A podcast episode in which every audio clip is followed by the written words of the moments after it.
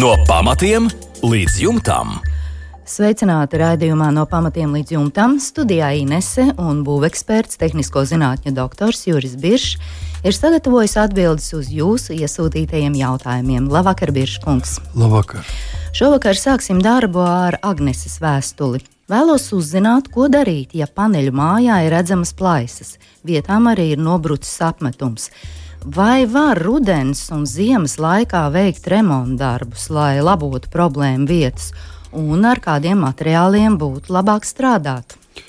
Jā, nu, tāds mazliet īpatnējs jautājums, jo mm, visiem tas būs skaidrs. Man liekas, ka paneļos mēs individuālā māju reti kad būvējam, un parasti tās ir daudz stāvu, daudz dzīvokļu ēkas kas ir, teiksim, kur izmantojam ārsienu paneļus. Un, Mēs visi arī tikpat labi saprotam, ka jaunu māju nododot, no nezinu, vai varēs nodot paneļu māju, ja tur ir plaisas. Ja? Tas nozīmē, ka šīs plaisas ir radušās eksploatācijas laikā. Pēc dažiem gadiem vai vairākiem gadiem paneļmājas atļaušos atgādināt mums jau ir kopš kopš eh, padomu savienības laikiem ļoti sen jau pirmā, pirmās paneļa mājas, eh, Agneskalna periods un tā tālāk. Tā kā, tā kā diezgan, diezgan varbūt arī ilgi eksploatēts. Mhm. Nu, mēs nezinām, kur, bet jebkurā gadījumā ir parādījušās plaisas. Nu, katrā ziņā mums droši vien ir jānosaka šīs problēmas līmenis. Jā.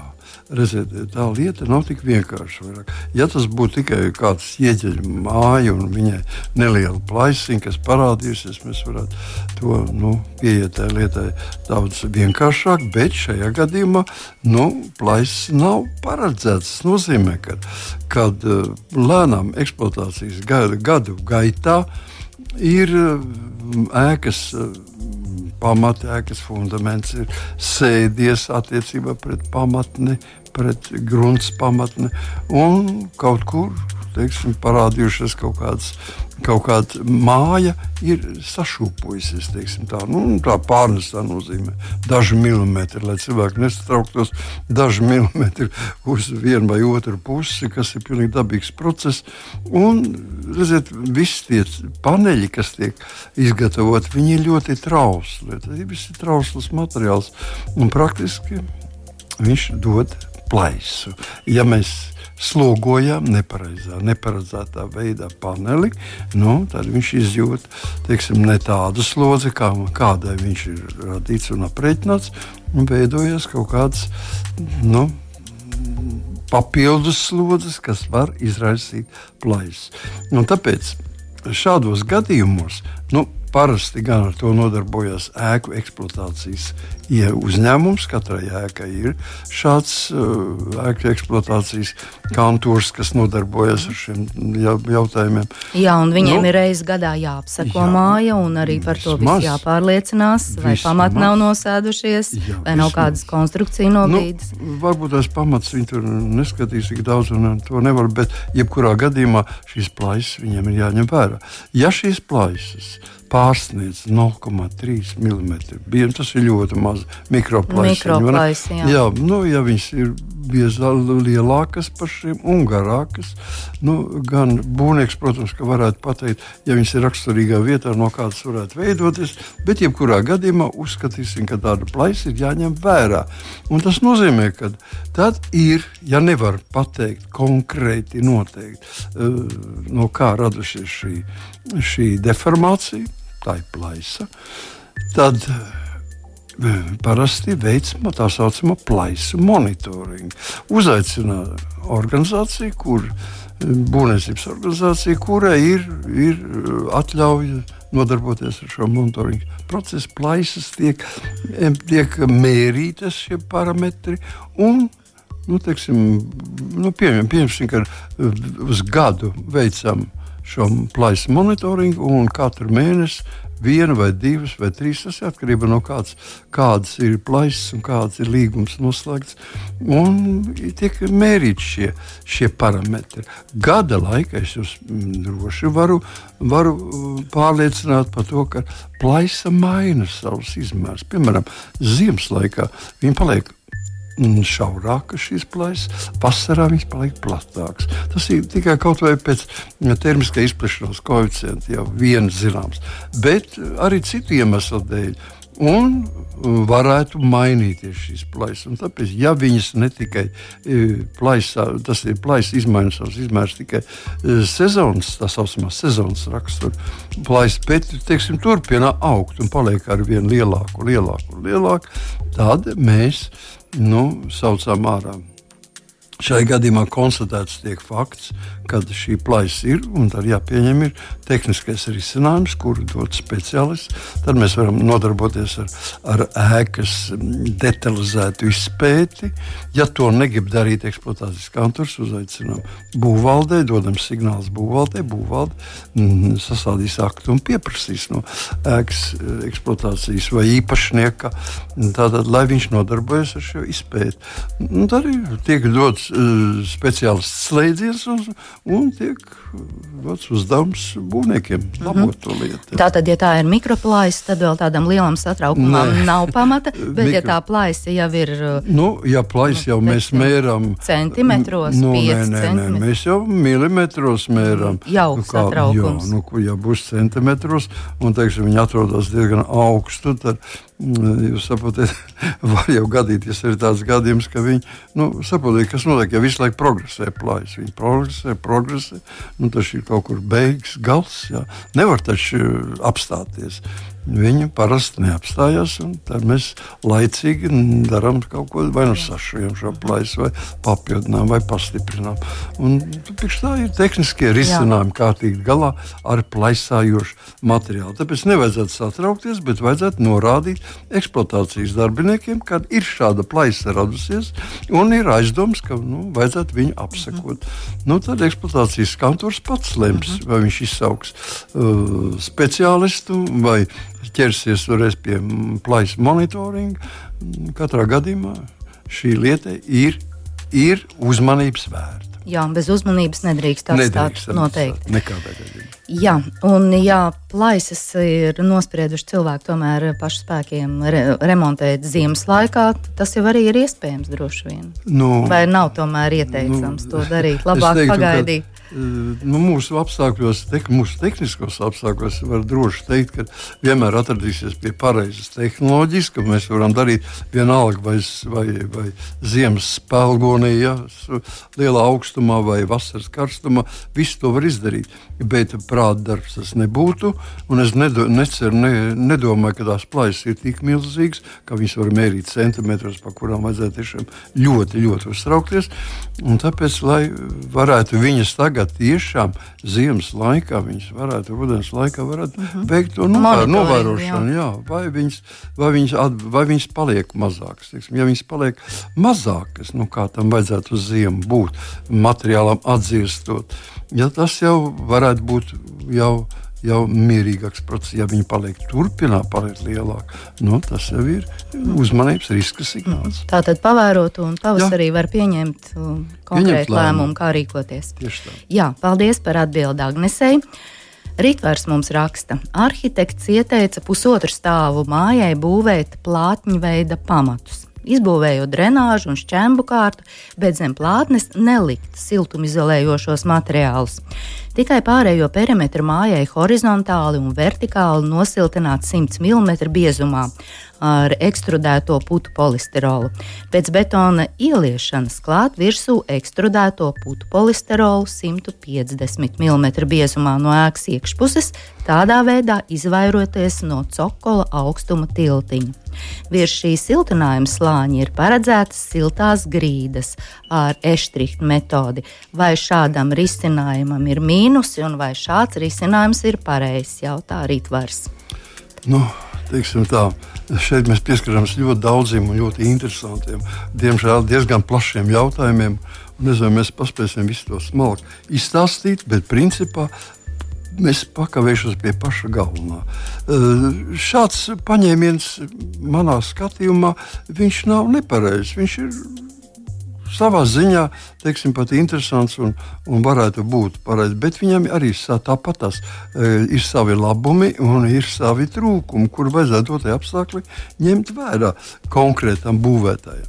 Un vispirms iesāksim ar to, ka cilvēkiem ir ļoti labi jāsaprot, ka mums pastāv konstrukcija, kura ir saistīta ar zemi, šai gadījumā plātņveida dzelzbetona pamatni, tātad plātne, dzelzbetona plātne. Viņa var būt eh, tāda telpiska, varbūt vienkārši plakana, būt parasti nedaudz telpiska. Ir, un viņi ir saistīti ar grunti. Virs plātnes ir, nu, kur būs jaunā ēka, ir saistīta ar mīnusu, ar ar gaisa. Ja? Tātad gaisa būs vismaz kamēr pamats izgatavojam, viņš būs, viņš būs mīnusas. Gar sāniem nelielais, cik tā plātne ir bieza, ja? arī tāpat. Bet neaizmirstam nekad, kad zem plātnes ir tikai plus 4 grādi. Ja būs uzbūvēta māja, tad zem šīs plātnes grunts nu, teiksim, maksimāli atdzesīs līdz zemes uh, siltumam, ko viņš staro uz augšu. Un praktiski tas var teikt, apmēram mēs rēķinām plus 4 grādi. Tātad, ja mēs rēķinām siltumizolāciju, gar malām simts, lai būtu, un tālāk uz augšu sienām, kas jau nav uzbūvēts, bet kas būs uz, tās, uz, uz tām plātmēta pamatiem, tur arī viss ir atkarībā no ārā negatīvās temperatūras, bet uz leju nu, nekādā gadījumā nedrīkst. Ko dara ļoti daudz um, projektu organizācijas un daudzi arhitekti arī aiziet uz to lietu, kad viņi apakšā liek to biezo siltumizolācijas materiālu. Šajā gadījumā es teiktu, ka arī ir nepareizi pieņemts lēmums likt virsplātnes 150 mm ekstrudētu putu polistirolu, kas ir ārkārtīgi biezs. Un, teiksim, ja mēs rēķinātu viņu pēc, pēc, nu, pēc Latvijas būvniecības normatīvu metodu, ieteiktām metodēm, mēs viņu rēķinām, tad mēs redzam, ka mums nevajag tos 150.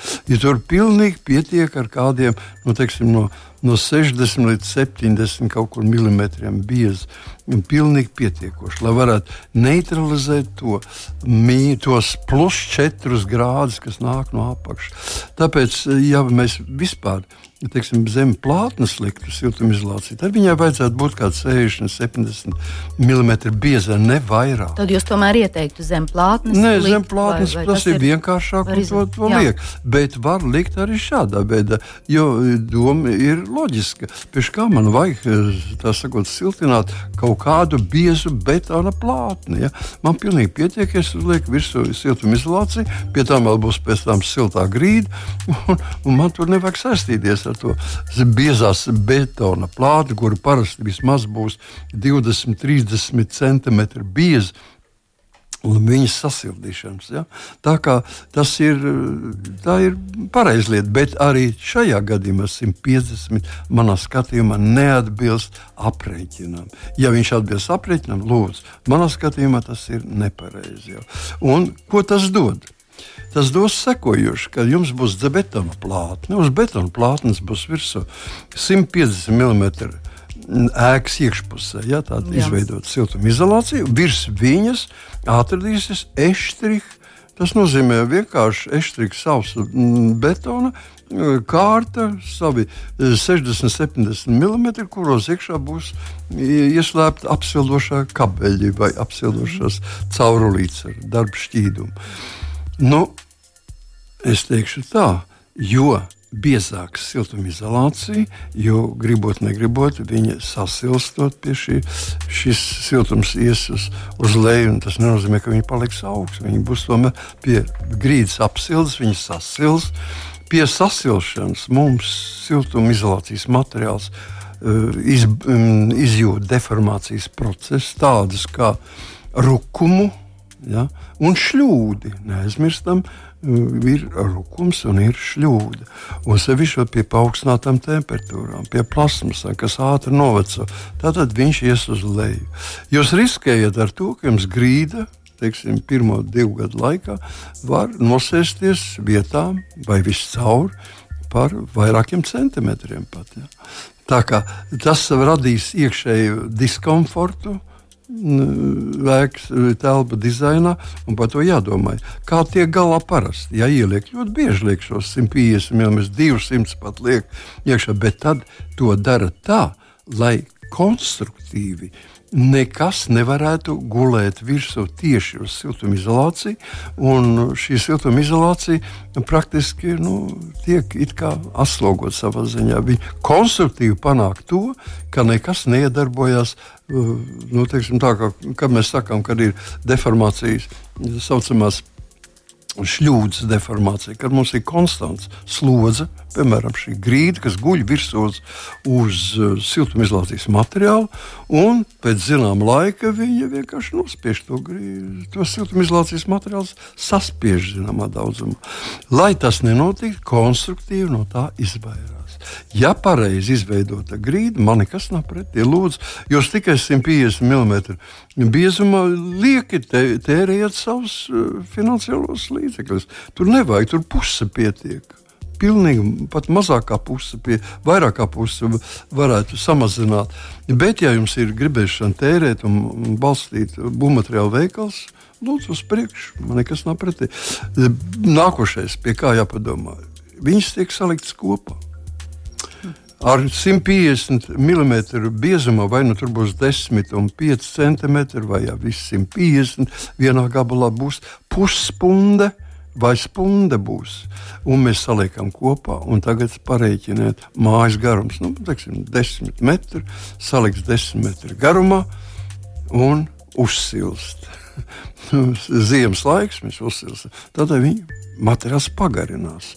Lai nu maz, bet tomēr viņš pagarinās kur tad paliks tie desmit metri iespiesti starp pamatiem? Ja? Un tad jāsaka, speciāli skatīties, kā jāsiltina, kā jāizvieto siltinājums, kādam jābūt šūvēm, kurā mēnesī mēs to liekam, kad mēs montāžu veicam. Tur parādās masa jautājumu, kas pie individuālās mājas būves, diemžēl, netiek apskatīti. Jo lielākoties to veido ātri būvējušie būvnieki, kuriem ir vienalga saspiež kopā un viss ir kārtībā. Ar īpašnieks to nevienmēr apzinās. Nu, jā, kas būs pēc pāris gadiem? Jā, tāpēc es teiktu, ka druskuļi pa daudz. Jā. Nevajag tos tik daudz likt iekšā. Vajag, vajag vienkārši pareiķināt, vai dot cilvēkiem, lai pareiķina, cik tā tiešām vajag. Nu. Uh mhm. -huh. Nu. Skaidrs, bet zem plātnes, ja neliek, tad arī pietiek ar, teiksim, ar 5-7 centimetriem. Jā, nu, arī. parasti jau redziet, parasti kā, kā reāli notiek dzīvē. Reāli dzīvē notiek sekojuši. Mēs liekam uz, nu, uz, uz noblīvētas grunts, mēs liekam šķembas, mēs liekam plēvi, mēs liekam siltumizolāciju, virsū 50 mm. Pilnīgi pietiekoši. Tad mēs liekam betona plātni virsū, uz betona plātnes hidroizolāciju, uz, hidro, uz betona plātnes tiek veidots atsevišķi it kā šis cokols veidots, un paliek tāda, nu, starp betonu un cokolu paliek brīva vieta. Ja? To parasti pieber ar keramzītu. Nu, neliek to dārgo putu materiālu iekšā, ieber keramzītu, kurš nekad nesēdīsies un vienmēr paliks vienā līmenī. Un tad virs viņa nu, veido attiecīgu teiksim, grīdas konstrukciju, un, un to var arī veidot apsiltāmu grīdu. Mm -hmm, jā, skaidrs. Un vēl ir jāatbild uz nākamo rītvaru jautājumu. Ja mājas pamatus ir plānots ieliet aprīļa sākumā, tad kad varētu sākt noslogot pamatus, mūrējot ārsienas no termoblokiem? Nu, Šī pati māja. Jā, jautājums ir. Teiksim, tas vēl gadus 20 atpakaļ, kad betonēšanas darbu un pamatizgatavošanas darbu veidu bija sezonāls darbs, kuru mēs darījām rudenī. Tātad visu ziemas laiku un pavasara sākumu šis, šie pamati sēdās, nosēdās, stabilizējās, un mēs kaut kur māja mēnesī reiz ķeramies pie. Pie slogošanas, tas ir pie ārsienu izgatavošanas. Mūsu šodien būvniecības, vienalga, visi, visi kas ir certificēti būvniecības organizācijas, viņas blīvē mākslīgi blīvē grunti, blīvē pamatne un praktiski es teiktu, ka mm, no tādas īpaši, jā, tad, kad tikai individuāli pats gatavo, nevar sablīvēt visas gruntes pamats un, un attiecīgos mm, materiāls, tad mums ir tiešām jāgaida, kamēr nenosēžās. Nu, tad tas nozīmē, ka vajadzētu vismaz nu, 4-5 mēnešus, kā minimums. Bet šodienas apstākļiem, kad mums ir elektroblietas, un vibratori un, un iespējas ar ūdens palīdzību blīvēt, un ar atsūtas palīdzību, un ļoti daudz dažādas varianti ir. Šodien nevajadzētu par to uh, satraukties. Mm -hmm. Jā, paldies par atbildēm Rītvaram. Pirmdienās, 7. vakarā Latvijas Rādio 2 celtniecības un remonta darbiem veltīts raidījums. No pamatiem līdz jumtam. Ar padomiem un atbildēm uz klausītāju jautājumiem Latvijas Rādio 2 studijā - tehnisko zinātņu doktors, būveksperts Juris Biršs. Un mums Jānis jautā, vai ir vajadzīga papildus pamatu hidroizolācija pirms aizbēršanas ar zemi. Un lūk, Jāņa vēstule. Esam sava zemes gabala laimīgi īpašnieki, kur nopirkam 2020. gadā ar mērķi uzcelt savu sapņu māju. Tiek pieslēgta elektrība, izstrādāts būvprojekts un augusta sākumā saņemta būvatļauja. Pašu spēkiem sākam būvēt pamatus, šādi piesaistot arī profesionāļus. Nu jau pamati ir gatavi un pienācis laiks pēdējam posmam - aizbērt pamatus ar zemi. Uz doto brīdi mūsu pamatu pīrāgs ir šāds dzelzbetona pamati, divas kārtas hidroizolācija līdz pēdai, siltinājums 100 mm ekstrudētais putu polisterols, stiegrojoša kārta ar sietu, divas kārtas. Mūsu kaimiņš cītīgi vēro visu šo procesu un šad tad arī dod vērtīgus padomus. Un kaimiņš saka, ka būtu labi pirms aizbēršanas uztaisīt vēl papildus hidroizolāciju. Pagraba nav, gruntsūdeņa līmenis ir zem diviem metriem. Tāpēc pēc mūsu domām domām papildus hidroizolācija nav vajadzīga. Kamēr pamati vēl nav aizbērti, rakstu jums šo vēstuli. Vai ir vajadzīga papildus pamatu hidroizolācija?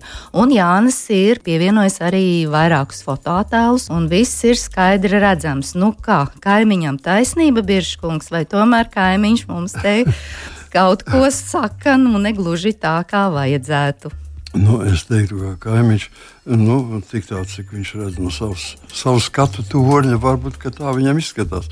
Bet uh, mazliet parunāsim par to lietu mazliet skaidrāk.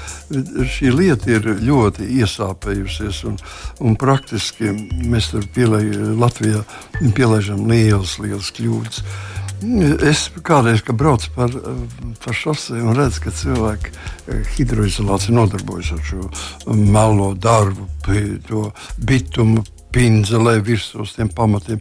Es nevaru noturēties, es apstājos ar mašīnu un eju un prasu viņam, ko tu dari. Viņš saka, vecais, es nodarbojos ar hidroizolāciju. Kā viņš teica? Jā, kā viņš teica, es ar hidroizolāciju, tu man te nemaisies. Un tad es viņiem prasu pretjautājumu. Šodien es gribu to pretjautājumu paprasīt arī Jānim Stalidzānam. Tātad, kā jūs domājat, ūdens ir mitrums, no kā mēs cenšamies izvairīties? Vai viņš otrā pusē pamatiem arī ir, vai tur nav?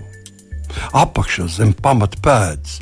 Nu, es tā kā neredzu ne pie zīmējumā, nekur citur, ka tur arī būtu liktu hidroizolācija siltināts un vispārējais. Tur viss tā pliks betons.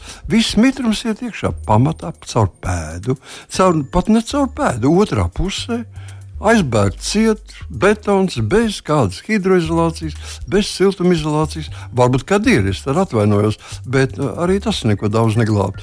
Un uh, šie pamati ir slapi.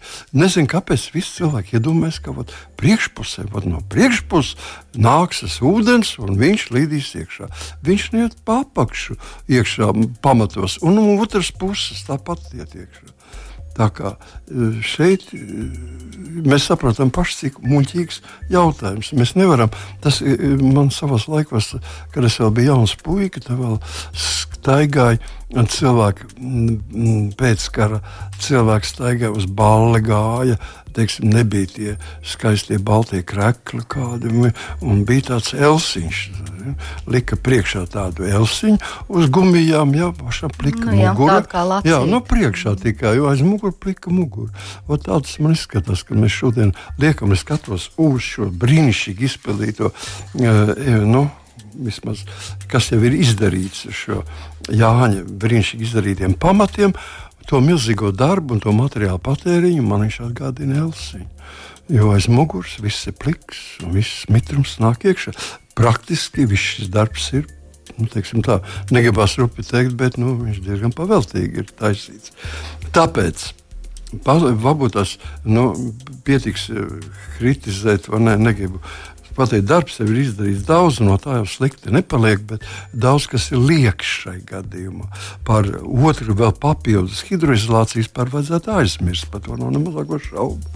Un tāpēc es ieteiktu pateiktu tā, kad vecos laikos nu, teiksim, mūsu mani vectēvi vai e, citu vecvectēvi un vectēvi. Viņi tāpat veidoja šos pamats, bet neviens viņus nu, ļoti reti, kad pinzelēji ar šo darbu. Ja? Nu, bitums vispār bija ļoti dārgs materiāls, un ar, ar koku darbu varbūt papinzelēji kaut kur, bet arī tas nebija. Nebija tā raksturīgi pateikt. Mēs varējām brīnišķīgi iztikt arī bez tām. Toties, ko mēs darījām, mēs veidojām, un mūsu senči veidoja drenāžu. Es gribēju zināt, vai Jānis kādreiz ir padomājis par to, ka kad pamatiem Latvijas apstākļos šī vertikālā hidroizolācija uz augšu, viss tas no pamata pēdas un uz augšu, viņa nav vajadzīga. Viņa ir, viņa ir tieši slikta. Kāpēc slikta? Tāpēc, ka mitrums iet iekšā, un viņš nekur nevar citur iet, kā viņš tikai iet iekšā pamatos, un ne, ārā vairāk viņš netiek. Viņš līdz pašai augšai, līdz, līdz horizontālajai hidroizolācijai nāk un tur mēģina bojāt horizontālo hidroizolāciju.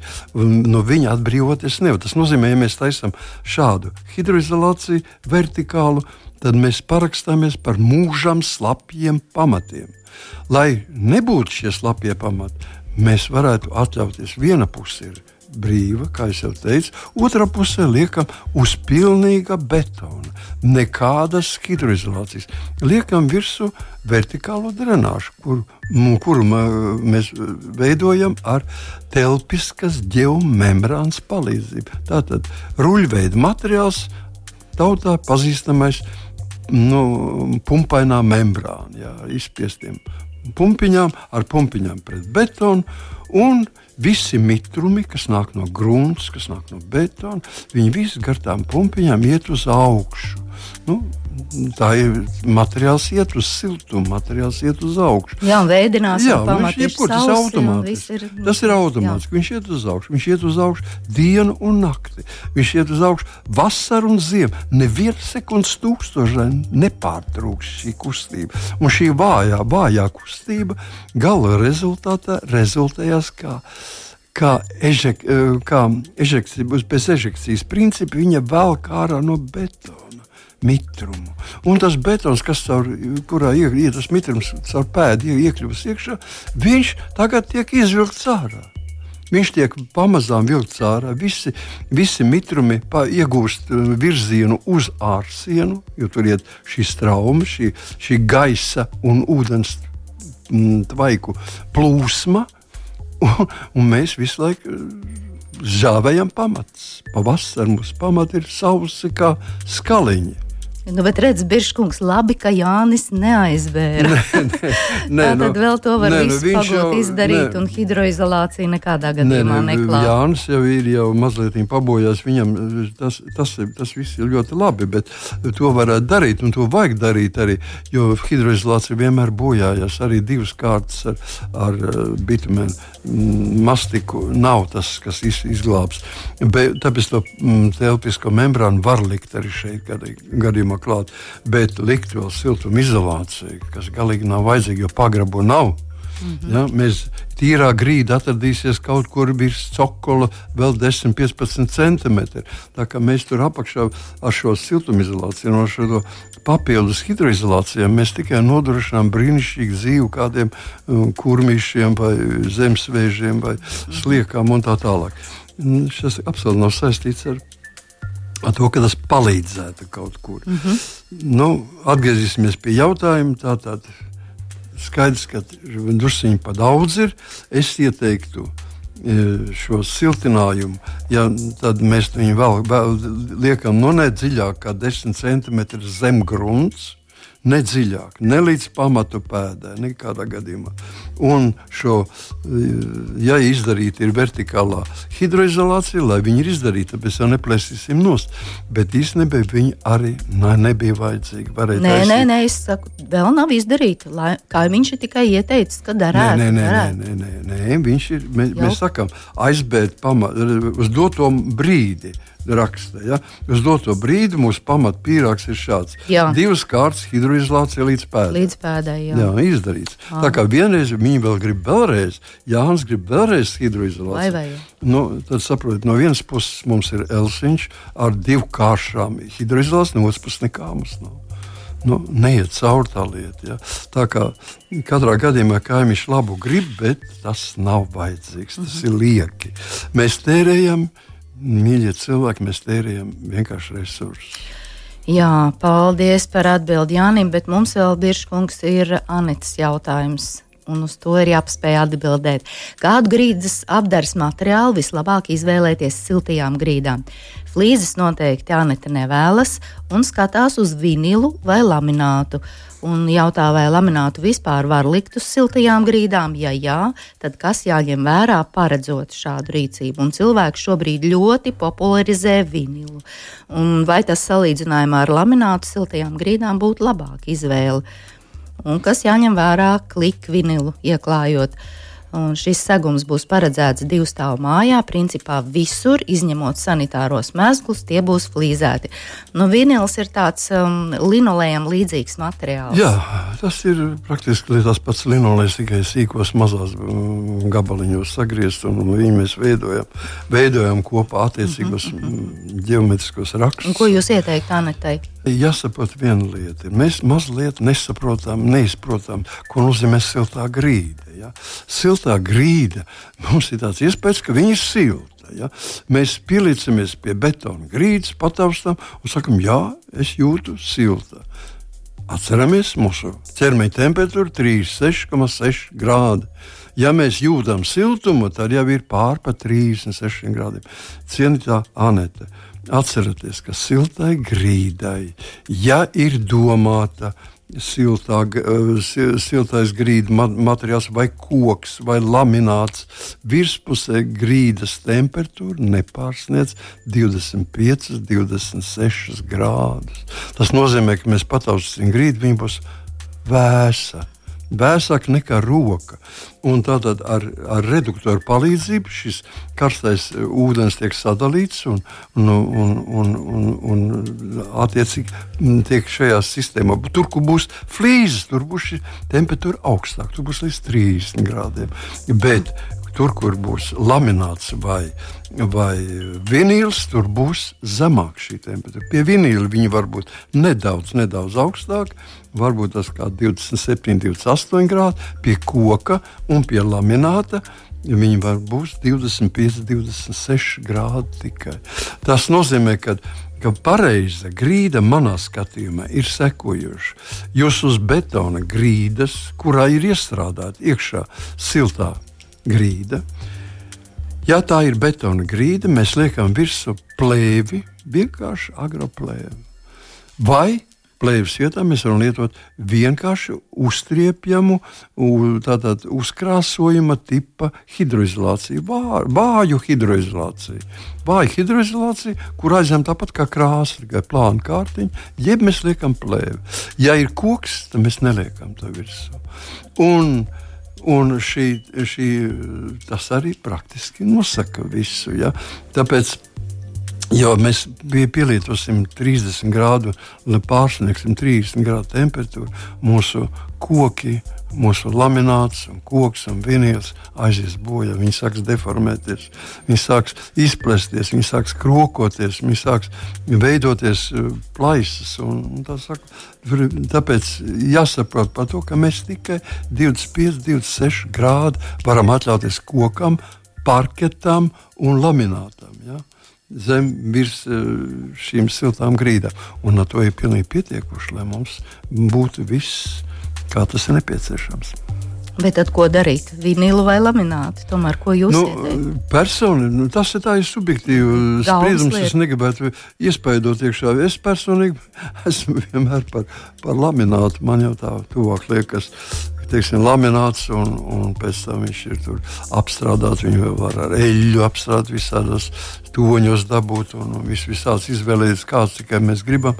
Un, un, un otrām kārtām, ja mēs gribam super skaisti un tiešām dabīgi, mēs varam likt plānu 8 mm koka dēlīšus. Jā, Mēs varam likt virsū. Sevišķi jāapakšā ir būt teiksim, plānā kārtiņā uzstādīt hidroizolāciju. Nu, vienkārši krāsojama hidroizolācija vien, vidējs eh, stiprums. Teiksim. Jā, bet vīnelam vēl bija viena ieklāšanas tāda būtiska lieta. Vajadzēja būt ļoti, ļoti gludam pamatklājumam. Ja jā. tur kaut kas, kaut maz drusciņš, tad nu, ir liels nepatikšanas. Ines, es vienmēr uzskatu, ka būvnieks strādā ļoti labi un, un virsmā jābūt ļoti gludai. Jo, ja mēs, mēs teiksim, ieklājot vīnielu, atstāsim apakšā teiksim, vienu santīmu vai divu santīmu mo monētu, tad viņi pēc gada būs redzami. viņi izspiedīsies ārā. Tā kā tur tiešām par, par virsmai jābūt ideālai. Mm -hmm. Viņi nepavēl pat slīpēli pirms liek virsmu. Jā, paldies, Biržkungs, par atbildi. Līdz ar to šovakar raidījums tuvojas izskaņā. Atgādināšu e-pasta adresi remonds at lr2.lv. Sūtiet jautājumus, iesūtiet arī jautājumus caur mūsu Latvijas radio divu mājaslapu, un esam atrodami arī visās populārākajās podkāstu platformās. Lai jums visiem un mums mierīgs vakars, un visiem novēlam gaišu, gaišu svētku nedēļu. Uz tikšanos pēc nedēļas! Visu labu! Pirmdienās, 7. vakarā Latvijas Rādio 2 celtniecības un remonta darbiem veltīts raidījums. No pamatiem līdz jumtam. Ar padomiem un atbildēm uz klausītāju jautājumiem Latvijas Rādio 2 studijā - tehnisko zinātņu doktors, būveksperts Juris Biršs.